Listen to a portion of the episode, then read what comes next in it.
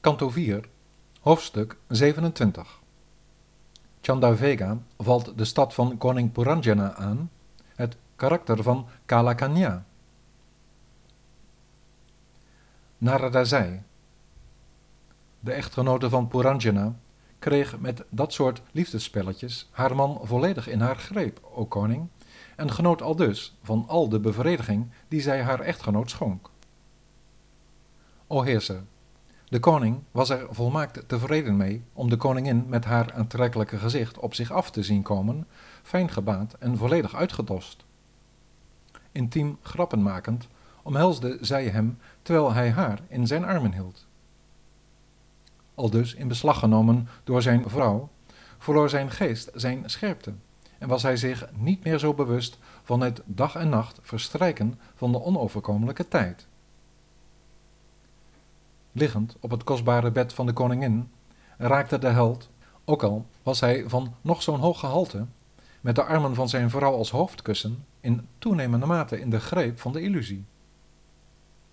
Omdat hij, overmand door onwetendheid, die liefde voor zijn levensdoel hield, zag hij niet in wat zelfrealisatie en het Allerhoogste nu werkelijk inhouden. O beste van de koningen, op deze wijze wellustig genietend met een onzuiver hart, verstreek zijn nieuw gewonnen leven in een oogwenk.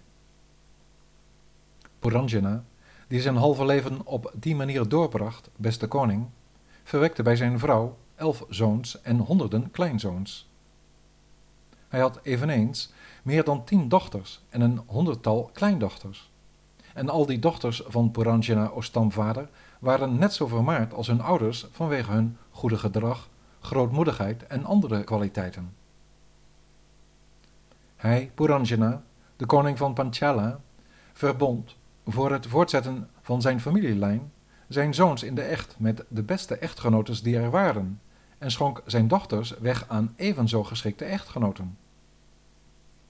Ook de honderden zonen van de kleinzonen brachten allen weer honderden en honderden andere nakomelingen voort, waardoor in Panchala Puranjana's familie enorm in omvang toenam. Vanwege zijn diep gewortelde gehechtheid aan materiële genoegens werd zijn leven geheel bepaald door zijn nazaten die zijn huis en schatkist leegplunderden. Hij, zo vol van verlangens, hield net als u offerplechtigheden uit respect voor de voorvaderen, de goden en de groten van de samenleving. Maar die offers waren allen even weerzinwekkend geïnspireerd op het doden van arme dieren.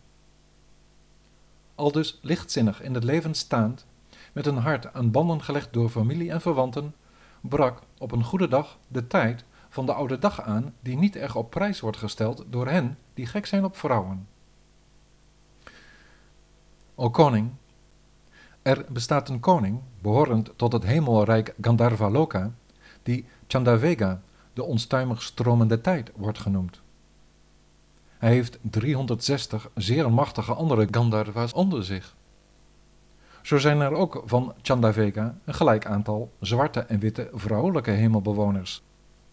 Allen omsingelden ze de stad om de voorzieningen voor het zingenot te plunderen. Toen ze de stad van Puranjana begonnen te plunderen, kwamen al de volgelingen van Chandavega voor de grote slang te staan die er was om haar te verdedigen.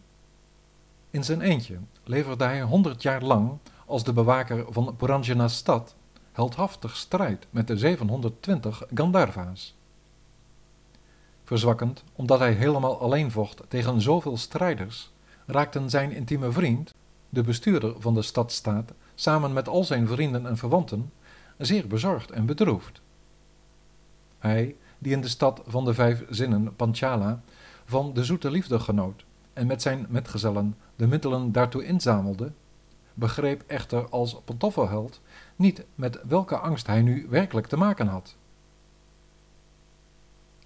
Dit alles speelde in de tijd dat de dochter van de almachtige tijd, genaamd Kalakanya, rondreisde door de drie werelden op zoek naar iemand die haar echtgenoot wilde zijn, o koning Prachinabari, maar er was niemand die op haar aanzoek inging. Daarover ongelukkig stond ze in de wereld bekend als Durbaga, slecht getroffen, maar nadat ze door de wijze koning Puru was aanvaard, was ze tevreden en verleende ze hem een gunst. Op een dag, toen ik, uit Brahmaloka naar de aarde afgedaald, rondreisde, deed ze, begoocheld door de lust, mij een aanzoek, wetende dat ik een gezworen celibatair was.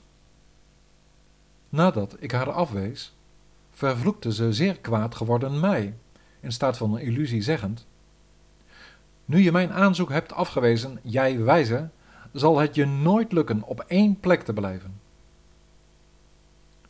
Na die frustratie van haar plannen benaderde Kalakanya op mijn aanwijzing de heerser van de Javana's, genaamd Baya Vrees, om hem als haar echtgenoot te aanvaarden.